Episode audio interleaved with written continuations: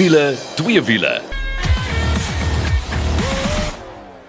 Kyk as jy daai klanke hoor, weet jy dis tyd vir wiele twee wiele en ek is baie verheug om te sê dat ons is weer 'n volledige span na hierdie twee manne my alleen gelos het laasweek. Maar ek is Janet saam met my is Kol en Nicole. So, hallo manne. Hallo hallo. Hallo, lekker om terug te wees en ons het 'n lekker propvol program. Ja, soos altyd, ons gaan bietjie rondrits met Volkswagen se kombi of sal ek sê Kaal het en dan gaan ek ook vir julle vertel dan Audi bring 15 nuwe hoë verrigting, dis nou high performance RS modelle in en ek gaan bietjie gesels met Asif Hussein van Audi Suid-Afrika, maar die grootste nuus is ons padtoets van die week. Nicole ah, Ja, miskien moet ek sommer met die prys wegval, amper 3 miljoen rand. maar dit is 'n kar wat ek dink jy of jy haat dit of jy's lief daaroor. Maar ek gaan ek dink die mense wat nie daarvan hou nie is mense wat een dit nie kan bekostig nie en twee nog nie daarin gery het nie. Maar ek gaan net gou die naam sê, Mercedes G-Class. Dis reg, die G-Wagon en julle, ek wat nou 'n dame is aan hierdie kant, het ewe skielik besef hoe die mans liries raak oor hierdie G-Wagon. Wat oral waar ek gestop het met hierdie wa, het die man se oë uitgepop. Ja, ou moenie vergeet nie, ek dink die Gelande wagen waarvoor die G staan, kom nou al jare aan. Ou kyk na 41 jaar wat dit in die ronde is en dis ook een van daai modelle wat as jy na die nuwe een kyk, kan jy nog steeds die oue in dit sien.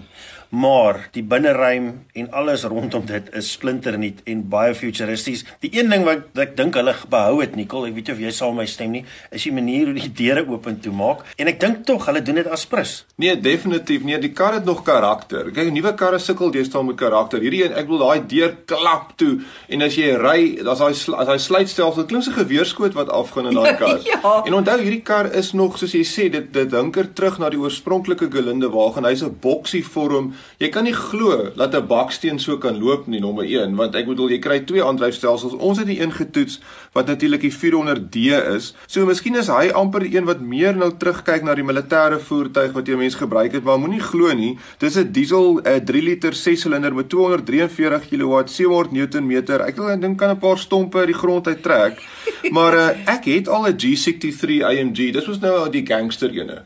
So ek het hom nou al heelwat tyd mee spandeer en ek moet sê as jy kyk hoe hy lyk, dan kort jy amper daai klank van daai V8 wat brul. So toe ek nou in hierdie diesel ry, dink ek, weet jy, maak eintlik meer sin op papier, ligter op diesel, nou net die omgee met 3 miljoen rand kar nie, maar ek het bietjie gemis van daai belaglike engine klank wat saam met hierdie vorm van kar gaan. Kom ek sê vir jou, toe ek hoor ons kry die G-Wagon, want ek weet almal gaan gaande daaroor. Ek bedoel as jy 'n Kardashian is, dan ry jy met 'n G-Wagon of een van hierdie groot Amerikaanse Hollywood sterre. En toe kom die G-Wagon daar aan en ek dink, hm, is nou nie regtig die mooiste in die wêreld nie, maar vinnig my woorde teruggetrek toe besef die rykie geskiedenis van die G-Wagon. Hulle het 10 jaar gevat om hom te ontwikkel voordat hy die eerste keer bekend gestel is hier by die in 1970s uh, om die waar te sê 1969. 'n G-Wagon word handgemaak in Oostenryk en dan natuurlik toe ek hoor dat 'n G-Wagon in 1983 die Dakar ren gewen het, toe sê dit al klaar baie want hierdie is eintlik 'n 4x4 soos jy nie kan glo nie. Nou ek het nou definitief nie die moed gehad om sy 4x4 vernuf te gaan toets nie, want hy's bietjie duur, maar ek verstaan dat ja nee, hy staan nie terug vir enige 4x4 nie. Ja, nee, verseker, ons gaan 'n bietjie later met ons tegniese tip gaan ons bietjie oor 4x4 stelsels praat. Maar hierdie G-Wagon, as jy die moed het vir 3 miljoen rand in die bos in te druk, ek het al met 'n G63 gaan afroud. En ek vir jou sê, daai ding het 3 difflocks. Hy het soos 'n voor, middel en agter, so net as een wiel traksie het gaan hy loop. Ehm um, daai wringkrag wat hy het, daai laastrek radkas, hierdie ding gaan waar geen ander voertuig gaan nie. So hy lyk, ek wil die meeste van hierdie goed ry natuurlik nou in Sandton of in Hollywood of waar ook al. Maar as jy net toevallig in 'n woestyn in ry of in klippe ingaan of elders in die boondoes is, hierdie ding gaan vir jou deurdra. Kaal, het jy die masseerfunksie uitprobeer? Uh die kinders het dit namens my uitprobeer. Hulle is lief daarvoor ehm um, net vir hierdie Nederlandtandjies en uh so in die ry het ek skielik gevoel iemand is besig om my rug te masseer. en ek moet vir jou sê daai ehm um, goed sukkel maar so 'n bietjie om hierdie lyf van my gedruk te kry. maar ja, daai funksie is ook daar. Hulle het niks weggelaat nie. Die die hele binneruim is modern. Die lyne wat hulle gebruik het lyk nog so bietjie soos die oues, maar jou instrumentepaneel, alles is digitaal. Jy het TV-skermpies vir die agterste passasiers, die seuns het dit gehad uitgeniet.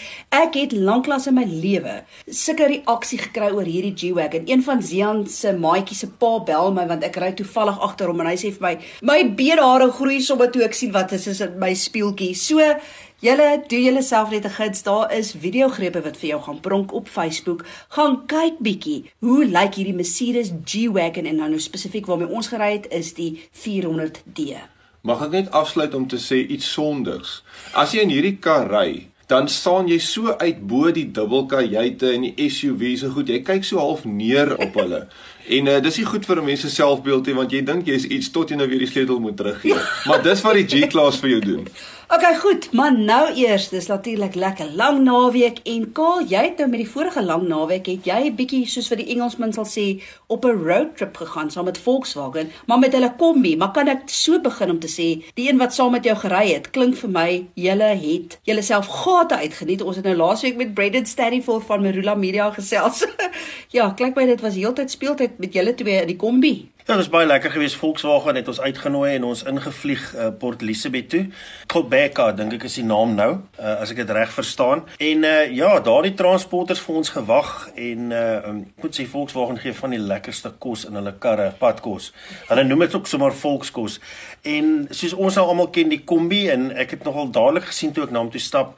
Hy sê nie kombi meer agterop nie, hy sê transporter. Baie gewild, dis seker die gewildste people mover waarvan hulle praat ooit. Ek wil dit al oor die 12 miljoen van hierdie goed verkoop. So net is is ongelooflik.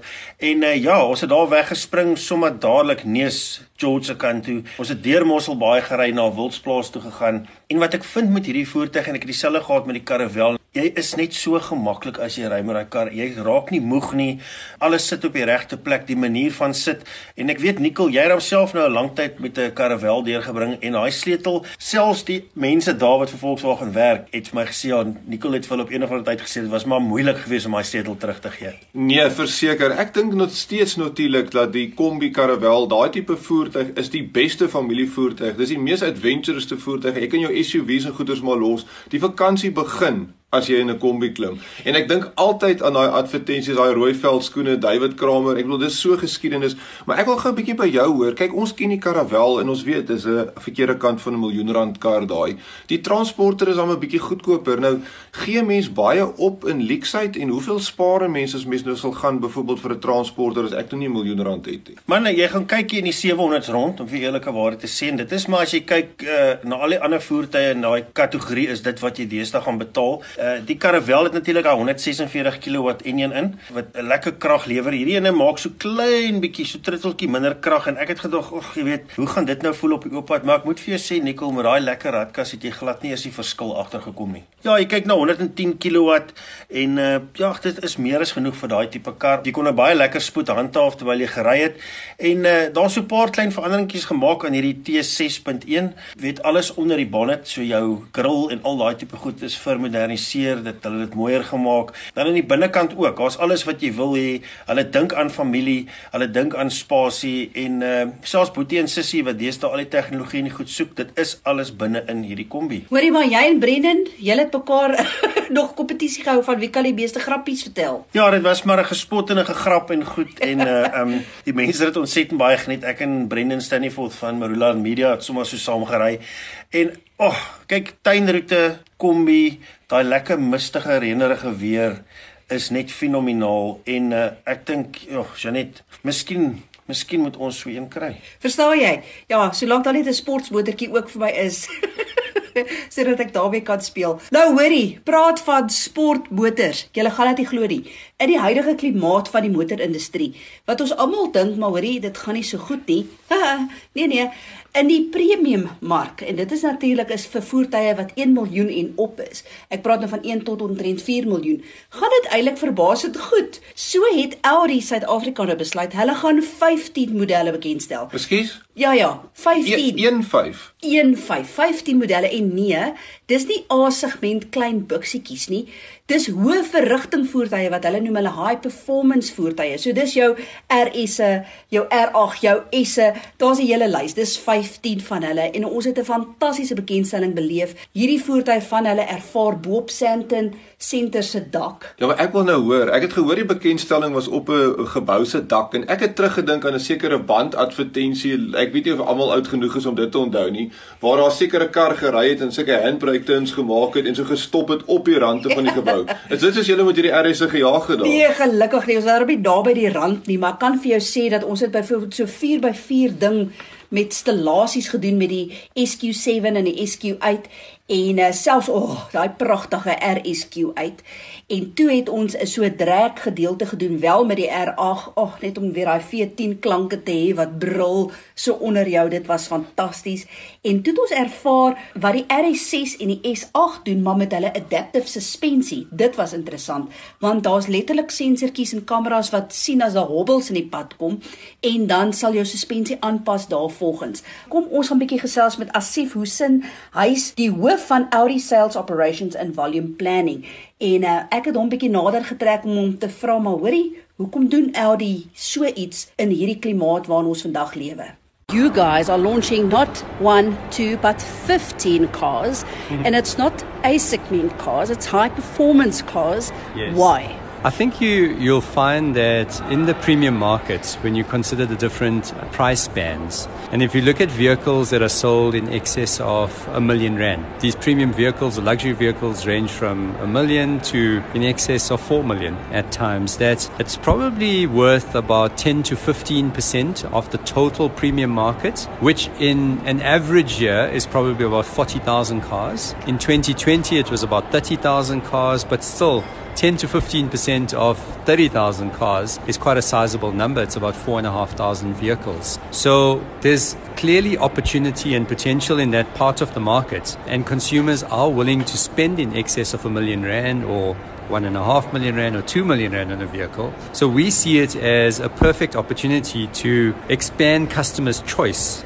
in that part of the market by offering 15 all new high performance vehicles. And we're quite confident that we will be able to take away market share from our competitors because our products are fantastic, or, or it sounds biased when I say it like that, but they are all new products. They're high performance cars, beautifully designed. And I think we will um, entice customers to consider us in those price bands of the markets. And now that we have the, the freshest product portfolio in our history on high performance cars in South Africa, we are quite ambitious with our plans. We've got the perception of people are not spending money in buying new cars. However, in that segment, it's actually going well. Yeah, so it's an interesting dynamic because, look, we, we share the same perception, let's say, because the premium market in South Africa is worth about 12% of the total market. So we are a small part of the total market. So by and large, I think anybody having that perception would be correct because there is a bar down trend, there is pressure on customer affordability, etc. But we are dealing in 12% of the market where our customers have the ability to continue to buy premium cars. And what we are finding is that customers, generally speaking, haven't been indulging in expensive holidays. They haven't been indulging in personal purchases for themselves, be it clothing or jewelry or timepieces, um, etc. And I think it's it's a human thing, right? Where where you feel after all of these lockdowns that you also want to reward yourself to to a large extent. So we're finding that the customers who are placing orders for these cars have this type of mindset, to be honest. They feel that they've um, committed themselves to the lockdown, they haven't done anything for themselves or their families for a good period of time. They've been able to save up some money as a result, and now they feel it's an opportunity to perhaps splurge a little bit. And I think combined with that, there's also a mindset now because of the effects of the pandemic, because you know many many families uh, it's been closer to home and they've lost loved ones and, and many have been ill and have recovered that there is a mindset that's growing of where people want to, you know, live in the moment a bit as well. And if they've been wanting this dream purchase of theirs all their lives, they're, they're probably feeling, well, there's no better time. The best therapy that I can suggest is a R8 V10 Spider roaring, and you will forget about all your troubles. So reward yourself. Absolutely, absolutely. I think that too. And, um, you know, retail therapy is always the best therapy, it seems. Um, look, it is a little bit different when you're talking about a 3 million Rand or 3.5 million Rand um, vehicle. But um, my personal favorite is the RSQ8. I think it's a fantastic motor vehicle that's new in its segment for us. It's at one point, uh, it might still be the fastest SUV to, to lap the Nürburgring. So it's a, it's a real gem of uh, engineering. Nou toe, al wat jy nou bedoel is bederf jouself. Daar is 15 nuwe Audi high performance modelle waarvan jy kan kies. En so van bederf gepraat voordat ons gaan asem skep, jy moet sommer nou al beplan om jouself te bederf vir jou ou dag by Groot Parys se leefstyl landgoed. Luister gou hierna. Ek het 'n meisie gaan haal in die Parel. Kom word deel van 'n landelike renessansgebied in die Parel. Op Groot Parys kan 50-plussers op 'n historiese Bolandse plaas kom neskop. Geleë naby alles, wonings met noodfrontliggings, uitsigte en topklas sekuriteit. Verskeie opsies is beskikbaar en met ander bergasontwikkelaar lê net die beste nog voor. Besoek Groot Parys estate.co.za vir meer en kom maak Groot Parys jou Bolandse tuiste. Alles laat dink my aan jou.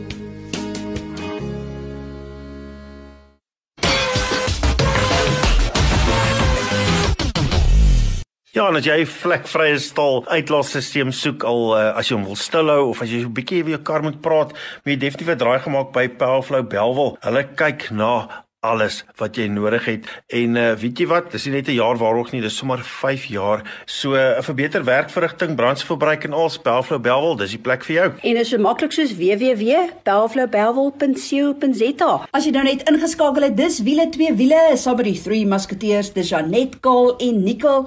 Tyd vir ons wenk van die week. Nou ons het nou net al lekker gesels oor die G-Wagon wat 'n fenominale 4x4 voertuig is, maar nou is die vraag verskillende 4x4 stelsels nikkel. Dit is nogal vir my interessant. Wie het wat? Ja, ek dink dit is baie belangrik as iemand 'n 4x4 gaan koop, dat hy tegnies bietjie verstaan wat is beteken 4x4 en watse tipe stelsel sy voertuig in het. Want ons praat gereeld van hierdie, dis 'n harde baard 4x4 of dis 'n soft roader of dis 'n verrigtingskar met permanente 4x4 stelsel. Kaal, dink jy dis belangrik om te weet wat jou kar in het? Maar ek dink dit is belangrik om te weet wat die kar kan doen. Jy weet baie keer praat mense, ja, maar my my kar is 'n all-wheel drive of my kar is 'n die of daai of hulle sê selfs die kar is 'n 4x4, maar dan is hy nie 'n volwaardige een nie. As ek 4x4 dink, dan dink ek iets met laastrek, iets wat kan uitklim waar Bobbejane Kierie nodig het. So verduidelik bietjie vir ons die verskille. Goed, uh, 4x4 beteken natuurlik dat jou wringkrag na al die wiele toe kan gaan op 'n manier, maar daai manier is wat belangrik is. Soos ons begin by die harde baard en dis wat jy nou sê dat jy gewoonlik 'n laastrek radkas wat nog vir daai vermenigvuldiging op jou wringkrag gee om jou soveel sterker te kan laat ry. Maar kom ons kyk gou op jou bakkies byvoorbeeld. Gewoonlik het jy dan wat hulle noem 'n transfer case. So gewoonlik trek jy bakkie agter,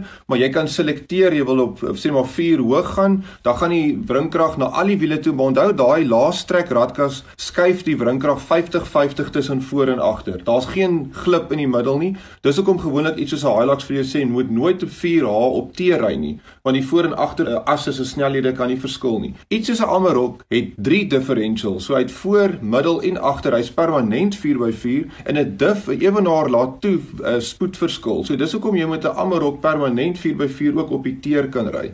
So dis al vir jou harde baasstelsels. Jou Subaru het ook 3 differentials. Hy kan altyd 'n 4x4 op die pad ry. Maar nou wil ek bietjie praat oor soft roaders. So 'n soft roader wat ons gewoonlik van praat wat 4x4 is, is gewoonlik eintlik net voorwiel aangedrewe kaal en dan wat hy het, hy het 'n koppelaarstelsel wat dan die wringkrag kan stuur na die agterwiele toe. Ons praat van 'n clutch pack. So ek baie keer praat hulle van hierdie Haldex tipe clutch. En dan wat sal gebeur as jy voertuig tipies ry, jy sit hom in outomaties dat hy kan kies wanneer is hy 4x4 en uh, dan as al begin glip voorkom, dan kom die stelsels agter, weet jy, jy's glip op die voorwiele, kom ons sit van die wringkrag agtertoe. So dan maak daai koppelaars toe en van die wringkrag gaan dan agtertoe dat jy 'n 4x4 stelsel het. Maar onthou, daai stelsel is nie regtig gemaak vir hardeboard 4x4 nie. Maar meneer Lou, het jy en jou familie nie al iewers vasgesit op sand met so 'n tipe stelsel? Nou ja, nou daar kom dit nou uit. So ek is mos altyd bietjie waag nou bietjie meer as wat 'n mens nou moet. So toe ry ek met 'n Nissan X-Trail daar in Namibië se duine in en dis een van hierdie sagte stelsels laat ons maar sê. So ja, daai koppelaar het begin warm raak want hy hou nie daarvan om permanent so hard in die sand te werk nie. En ewe skielik daar skop my 4 by 4 uit. Ek het net 4 by 2 en ek sit vas. Vrou was 'n bietjie ongelukkig. Ons moes so 'n uur of wat so, spandeer dat dit eers weer afkoel voor ons kan huis toe gaan. Maar uh, dit is die probleem as jy nie weet presies wat se 4x4 stelsel in jou kar is en wat kan hy doen nie. So hierdie soft X-Rider tipe stelsel is eintlik daarvoor as jy net nou vinnig 'n bietjie ehm um, traksie nodig het. So jy gaan net so vinnig deur 'n modderpoel, jy's daar in die kreerwilte en jy moet net die deur gaan, dan sal hy vir jou help om daar deur te gaan. Of as jy byvoorbeeld op die pad ry en is glibberig en is miskien 'n bietjie ys hier en daar, hy gaan net vir jou help. Okay, daar het jy vinnig traksie, maar as jy weer deur is, dan skakel hy weer na voorwielaandrywing toe want onthou, as hy 'n voorwielaandrywing is, gaan hy baie meer brandstof gebruik, is baie minder uh, weerstand met al die verliese wat deur die stelsel gaan. So dis hoekom jy daardie tipe stelsel kry. Maar ja, as jy wil harde baard ry, kry maar vir jou iets met 'n laastrek radkas, kry vir jou iets met ewenaar slotte, daai G-klas, dis dit definitief al daai stelsels in. Maar nou is dit eers tyd vir twee wiele en ons het lank gewag. Die vakansie was lank en ek praat van die MotoGP vakansie want dit was die eerste ren oor die afgelope naweek. Kol, vertel. Ja, dit is baie interessant geweest. Ons moet bietjie net uh, die aanloop na dit toe net verduidelik. Is laas jaar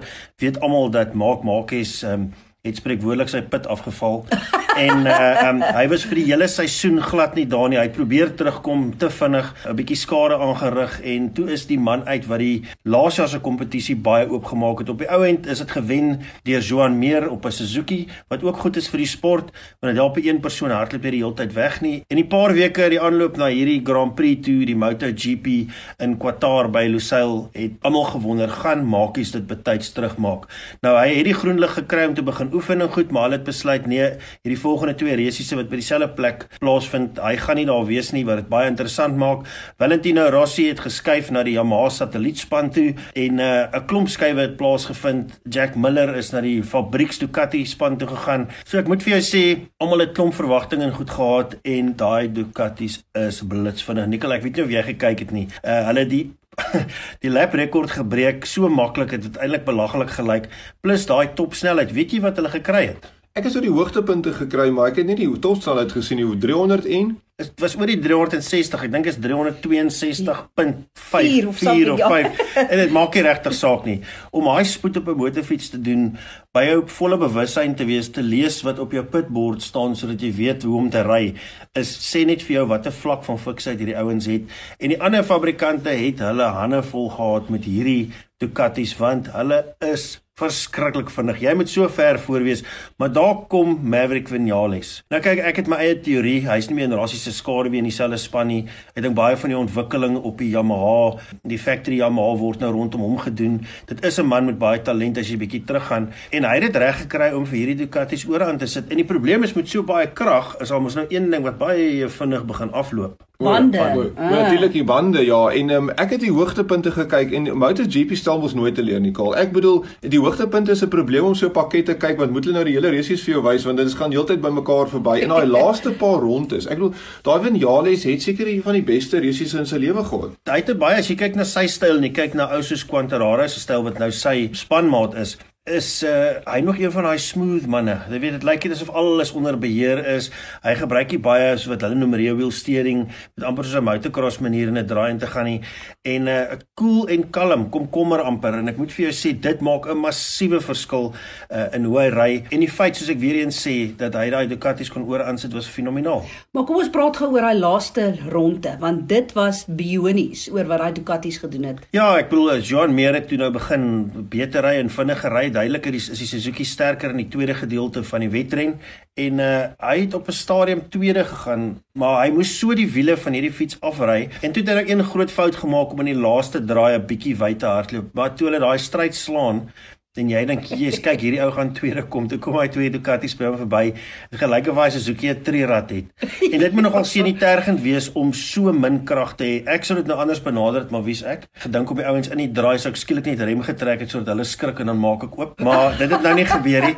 Maar uh, ja, Vidial is baie goed gedoen gevolg deur die twee Ducatis en dan Joan Meer. Ek dink dit was 'n goeie ding vir hom. Hy het nie goed gekwalifiseer nie. Hy is die huidige kampioen. So ehm um, dis nou altyd vir my interessant as die volgende resies weer presies dieselfde dieselfde baan gaan wees, wonder ek hoe skarrel hierdie mense om iets te kry. So dit is alles vir wiele twee wiele vir hierdie week. Ons wil graag van jou hoor. Besoek ons Facebook bladsy, dis wiele twee wiele. Maar tot volgende week toe. Hou daai wiele aan die rol.